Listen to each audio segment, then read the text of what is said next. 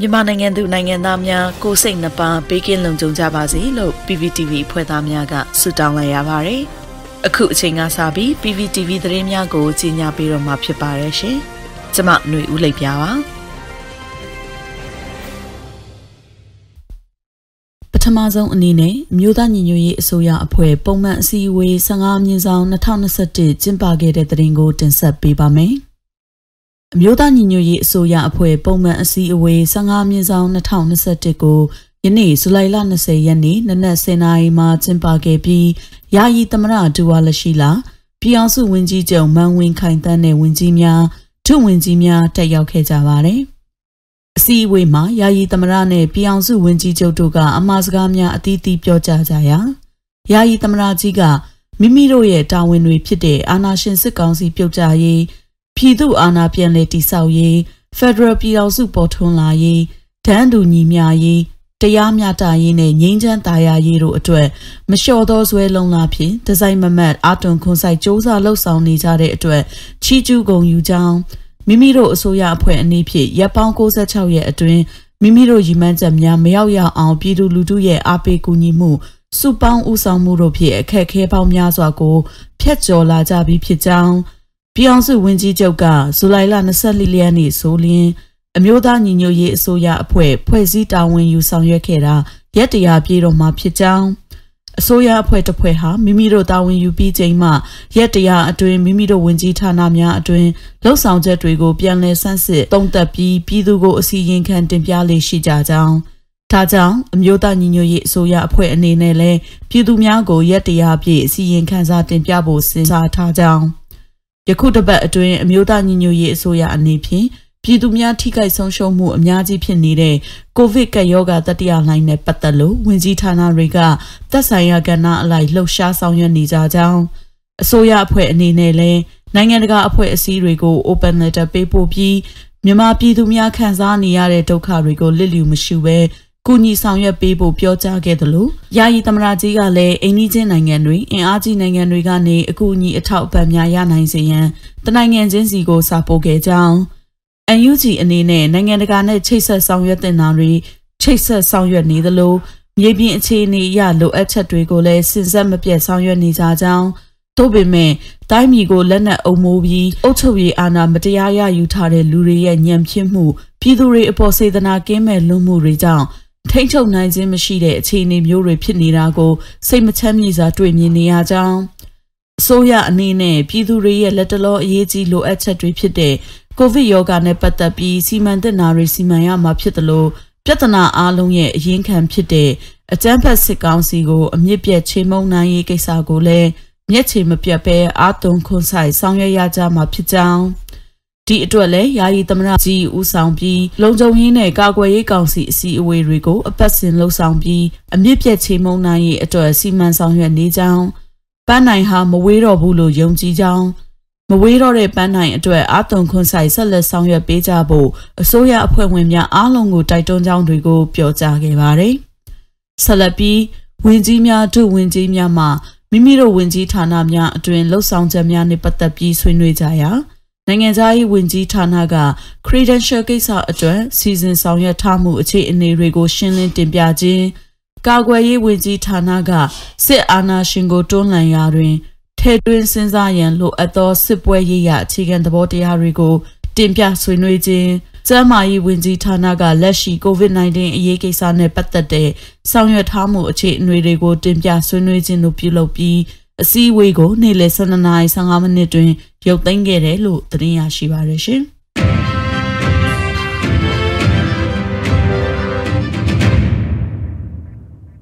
ကုလသမဂ္ဂ UNHCR ရဲ့လူသားချင်းစာနာထောက်ပံ့ရေးအကူအညီတွေပို့ဆောင်ပေးတဲ့ရင်တန်းချင်းပြည်နယ်မင်းတပ်မြို့ကိုမနေ့ကရောက်ရှိလာပြီးဒီကနေ့ကစတင်ကလူသားချင်းစာနာထောက်ထားမှုအကူအညီတွေစတင်ဖြန့်ဝေနေပြီဆိုတဲ့သတင်းကိုတင်ဆက်ပေးသွားမှာဖြစ်ပါတယ်။ ကုလသမဂ္ဂဒုက္ခသည်များဆိုင်ရာမဟာမင်းကြီးယုံ UNHCR ရဲ့လူသားချင်းစာနာထောက်ပံ့ရေးအကူအညီတွေတင်ဆောင်လာတဲ့ရင်တန်းဟာချင်းပြည်နယ်မင်းတပ်မြို့ကိုမနေ့ကဇူလိုင်19ရက်နေ့မှာရောက်ရှိလာပြီးဖြစ်ပါတယ်။ဒီကနေ့ဇူလိုင်20ရက်နေ့ကနေစပြီးရက်တတပတ်လုံး UNHCR ဝန်ထမ်းတွေဟာ COVID-19 ကာကွယ်ရေးအတွက်တကိုယ်ရည်သုံးအကာအကွယ်ပစ္စည်းကရိယာတွေအပါအဝင်ကြာပေါ်လင်တွေခြင်တောင်တွေဖြာတွေစောင်းတွေ မိဖို့ကြောင့်သုံးပစ္စည်းတွေနဲ့နေရောင်ခြည်စွမ်းအင်သုံးမိအိမ်တွေကိုကုညီထောက်ပံ့ဖြန့်ဖြူးသွားမယ်လို့သိရပါတယ်။အခုကုညီထောက်ပံ့မှုမှာလူဦးရေ9000အိမ်အောင်စုပေါင်း1000အထိအကျိုးခံစားရမယ်လို့မျှော်လင့်တယ်လို့ UNHCR ရဲ့ထုတ်ပြန်ချက်မှာဖော်ပြထားပါတယ်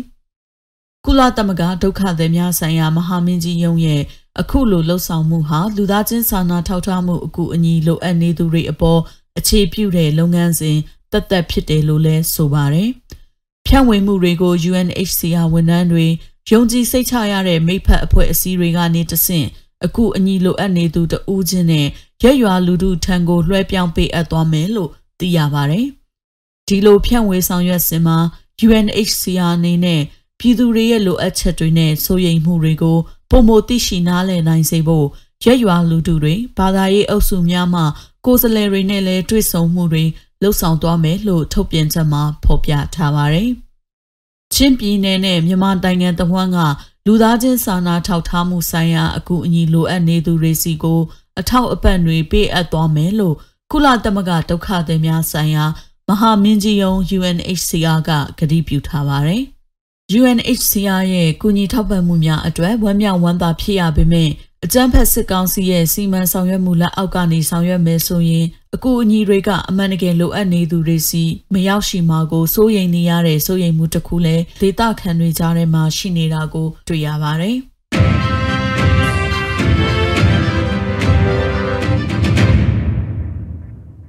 အင်းစိန်ထောင်မှာအကြမ်းဖက်စစ်ကောင်စီကမတရားဖမ်းဆီးချုပ်နှောင်ထားတဲ့ အမျိုးသားဒီမိုကရေစီအဖွဲ့ချုပ်ဗဟိုအလုပ်အမှုဆောင်ကော်မတီအတွင်းရေးမှူးအဖွဲ့ဝင်ဦးညံဝင်း COVID-19 ရောဂါပိုးကူးစက်ခံရပြီးကွယ်လွန်သွားခဲ့မှုအတွက်အမျိုးသားဒီမိုကရေစီအဖွဲ့ချုပ်ကဝမ်းနည်းကြောင်းတဝန်လွှာထုတ်ပြန်ခဲ့တဲ့သတင်းကိုတင်ဆက်ပေးမှာဖြစ်ပါတယ်။အမျိုးသားဒီမိုကရေစီအဖွဲ့ချုပ်ဗဟိုအလုပ်မှုဆောင်ကော်မတီအတွင်းရေးမှူးအဖွဲ့ဝင်ဦးညံဝင်းဟာ ဒီကနေ့မနက်ပိုင်းမှာ COVID-19 ရောဂါနဲ့ကွယ်လွန်ခဲ့တာဖြစ်ပြီးထို့သို့ကွယ်လွန်ခဲ့ခြင်းနဲ့ပတ်သက်လို့အဖွဲ့ချုပ်ကဝန်내ကြောင်းတဝန်လွှာတစ်စောင်ထုတ်ပြန်ခဲ့ပါတယ်။ COVID-19 ရောဂါကူးစက်ခံထားရတဲ့ဦးညံဝင်းဟာအင်းစိန်ထောင်ကနေရန်ကုန်ပြည်သူ့စေယုံကြီးကိုပို့ဆောင်ပြီးစိတ်ကူတာမှုခံယူနေစဉ်ဒီကနေ့ဇူလိုင်လ20ရက်မနက်9:10မိနစ်အချိန်မှာကွယ်လွန်ရတာဖြစ်တယ်လို့လည်းထုတ်ပြန်ချက်မှာဖော်ပြထားတာတွေ့ရပါတယ်။ ဦးညံဝင်းဟာကွယ်လွန်ချိန်မှာအသက်89နှစ်အရွယ်ရှိပြီးစီးချိုယောဂအခန့်ရှိသူဖြစ်တယ်လို့လည်းသိရပါတယ်။ကိုရိုနာဗိုင်းရပ်စ်ကူးခံထားရလို့ပြီးခဲ့တဲ့ဇူလိုင်17ရက်လောက်ကတည်းကပြင်ပဆေးရုံကိုပို့ဆောင်ကအရေးပေါ်ကုသပေးနေရတာဖြစ်ပြီး10ရက်လောက်အကြာမှာကွယ်လွန်ခဲ့တာဖြစ်ပါတယ်။မိသားစုနဲ့ထပ်တူဝမ်းနည်းကြေကွဲရပါကြောင်းနဲ့မပြီးဆုံးသေးတဲ့စစ်အာဏာရှင်စနစ်ကြာဆုံးရေးနဲ့ Federal Democracy ပြည်အောင်စုတည်ဆောက်ရေးအတွက် ဆက်လက်တိုက်ပွဲဝင်သွားမှာဖြစ်ကြောင်းကတိပြုပါကြောင်းမြို့သားဒီမိုကရေစီအဖွဲ့ချုပ်ရဲ့ထုတ်ပြန်ချက်မှာဖော်ပြထားတာဖြစ်ပါတယ်။အကြံဖက်စစ်ကောင်စီကအာဏာသိမ်းခဲ့တဲ့ February 1ရက်နေ့ကတည်းကဖမ်းဆီးခံထားရတဲ့ဦးညံဝင်းကိုစစ်ကြောရေးမှာတလကျော်ကြာစစ်ဆေးမေးမြန်းခဲ့ပြီးအင်းစိန်ထောင်တို့ပို့ဆောင်ကပုံမှန်905ခါခွေးဖြစ်မတရားဆွဆွဲအမှုဖွင့်ခဲ့တာဖြစ်ပါတယ်။လက်ရှိအချိန်မှာအင်းစိန်ထောင်အတွင်းဖမ်းဆီးချုပ်နှောင်ခံထားရတဲ့ NLD ထိပ်ပိုင်းခေါင်းဆောင်တွေဖြစ်တဲ့ဦးဟန်တာမြင့်ဦးဖြိုးမင်းသိန်းနဲ့ဦးနိုင်ငံလင်းတို့ဟာလည်းကိုဗစ်ကူးစက်ခံထားရတယ်လို့သိရပါတယ်ရှင်။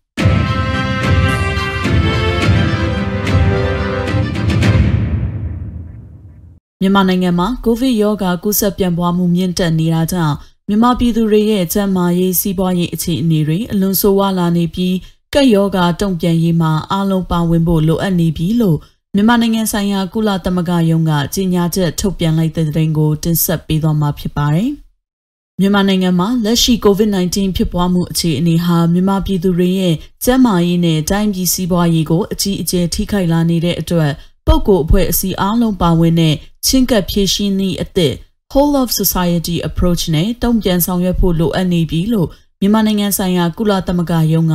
ဇူလိုင်လ19ရက်နေ့နေ့စွဲနဲ့ကြေညာချက်ထုတ်ပြန်လိုက်ပါတယ်။ လက်ရှိအချိန်မှာ COVID-19 ရောဂါပိုးစစ်ဆေးမှုတွေကိုတနေ့12000ကနေ15000အတွင်းသာပြုလုပ်နိုင်သေးပြီးဇူလိုင်လ18ရက်တနေ့တည်းမှာပင်ယောဂါပိုးရှိသူ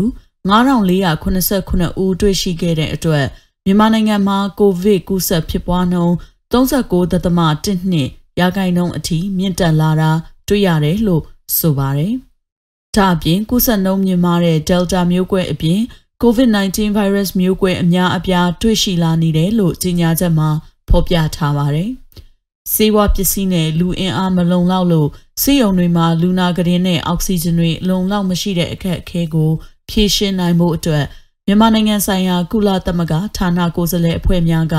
အောက်ဆီဂျင်ပေးဆက်တွေဆေးဝါးပစ္စည်းကိရိယာတွေဝယ်ယူဖို့စ조사နေတယ်လို့ပြောပါတယ်။ WHO ကဥဆောင်ဖွဲ့စည်းထားတဲ့ကမ္ဘာလုံးဆိုင်ရာ COVID-19 ကာကွယ်ဆေးထောက်ပံ့ရေးအစီအစဉ် COVAX အပါအဝင်လမ်းကြောင်းအမျိုးမျိုးကတဆင့်ကာကွယ်ဆေးရရှိအောင် WHO, UNICEF နဲ့ကုလသမဂ္ဂမိဖက်အဖွဲ့အစည်းတွေနဲ့နှစတိုးပြီးကြိုးပမ်းနေပြီလို့ဆိုပါတယ်။ WHO ရဲ့အကာအကွယ်ဆေးထိုးနှံရေးလက်ညွန်ချက်အရ COVAX အစီအစဉ်ကတဆင့်2021ခုနှစ်အတွင်းမြန်မာနိုင်ငံလူဦးရေရဲ့20ရာခိုင်နှုန်းကာကွယ်ဆေးထိုးနိုင်ဖို့ရထားတယ်လို့လည်းဆိုပါတယ်။ လောလောဆယ်မှာကက်ယောဂကြောင့်ပြည်သူတွေကျန်းမာရေးစီးပွားရေးအကြီးအကျယ်ထိခိုက်နေတဲ့အတွက်ကျန်းမာရေးဝန်ထမ်းအားလုံးဘေးကင်းလုံခြုံမှုရှိရှိအလုပ်လုပ်ခွင့်ရဖို့ပုဂ္ဂလိကကျန်းမာရေးကူညီဆောင်ရှောက်သူတွေအခုအညီပေးခွင့်ပြုဖို့အားလုံးပါဝင်တဲ့ချင်းကပ်ဖြည့်ရှင်းနည်းအသစ်နဲ့ဆောင်ရွက်ဖို့လိုနေပြီလို့မြန်မာနိုင်ငံဆိုင်ရာကုလသမဂ္ဂရုံးရဲ့ထုတ်ပြန်ချက်မှာဖော်ပြထားပါတယ်ရှင်။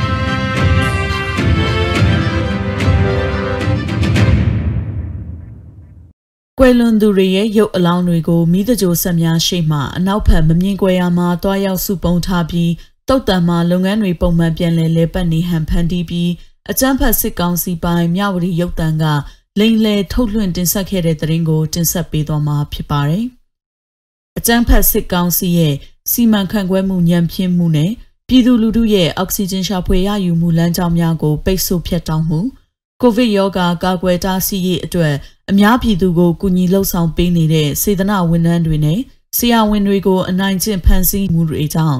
ကိုဗစ်ကူးစက်မှုကိုထိန်းချုပ်ရေးမရဖြစ်နေပြီးလူသေဆုံးမှုများမြင့်တက်နေခဲ့တာဖြစ်ပါတယ်။ဒီလိုလူသေဆုံးမှုတွေမြင့်တက်လာခဲ့တာကြောင့်ရန်ကုန်မြို့ကတုတ်တန်တွေမှာအလောင်းတွေရုပ်ပြက်ဆင်းပြက်စုပုံနေခဲ့တာပါအခုလိုထိမ့်မနိုင်သိမ့်မရအခြေအနေမျိုးတွေအမှန်တကယ်ဖြစ်ပွားနေပေမဲ့မနေ့ကဇူလိုင်လ19ရက်နေ့မှာတော့ ရန်ကုန်တိုင်းဒေသကြီးကအကြမ်းဖက်စစ်ကောင်စီဥက္ကဋ္ဌအကြမ်းဖက်စစ်တပ်ရန်ကုန်တိုင်းတိုင်းမှုနဲ့မြို့တော်ဝင်ဆိုသူတို့ဟာမြောက်ဥက္ကလာမြို့နယ်ရှိရေဝေးတုတ်တန်ကိုရောက်ရှိလာချိန်မှာတော့အလောင်းတွေကိုတုတ်တန်နောက်ဖက်မမြင်ကွယ်ရာမှာစုပုံထားပြီးမိတကြိုဆက်တွေရှိမှအလောင်းတွေမရှိဘဲပုံမှန်အတိုင်းစနစ်တကျတကြိုလောက်ကင်နေနိုင်တဲ့အခြေအနေမျိုးဖန်တီးပြီးမြဝတီရုပ်တံကနေလိန်လေတည်င်းထုံတွေတင်ဆက်ခဲ့တာဖြစ်ပါတယ်။လက်ရှိအချိန်မှာရန်ကုန်မြို့ကတုတ်တန်တွေမှာ အလောင်းတွေကိုအခေါင်းနဲ့စနစ်တကျမထည့်နိုင်ပဲဖျားလိတ်ဆောင်းစတာတွေနဲ့ဖြစ်သလိုထုတ်ပိုးပြီးမိတကြိုဆက်တွေရှိမှစုပုံချထားနေရတာဖြစ်ပါတယ်။အလောင်းတွေကိုပုံမှန်အတိုင်းအချိန်မီမိတကြိုနိုင်မှုမရှိဘဲနေရောညပါဖြစ်သလိုထုတ်ပိုးပြီးမိတကြိုနေရတာဖြစ်ပါတယ်။ဒီလိုအခြေအနေဆိုးတွေကိုပြည်သူတွေအားလုံးအမှန်အတိုင်းသိရှိနေပေမဲ့အကြမ်းဖက်စစ်ကောင်စီကတော့မြဝတီရုပ်တံကနေသတင်းတွေကိုလိမ်လည်ဖန်တီးထုတ်လွှင့်နေခဲ့တာဖြစ်ပါတယ်ရှင်။ ရေတော်ဘုံအောင်ရမည်ရေတော်ဘုံအောင်ရမည်